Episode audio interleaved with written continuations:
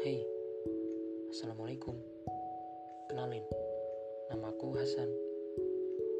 Hadirnya aku di sini sebenarnya bukan karena apa, namun setidaknya kita di sini bisa sering-sering pengalaman ataupun cerita tentang suatu perjalanan yang terkadang menyisakan suatu pelajaran dari sebuah kesalahan. Oleh karenanya, aku harap ada sebuah manfaat yang kalian dapat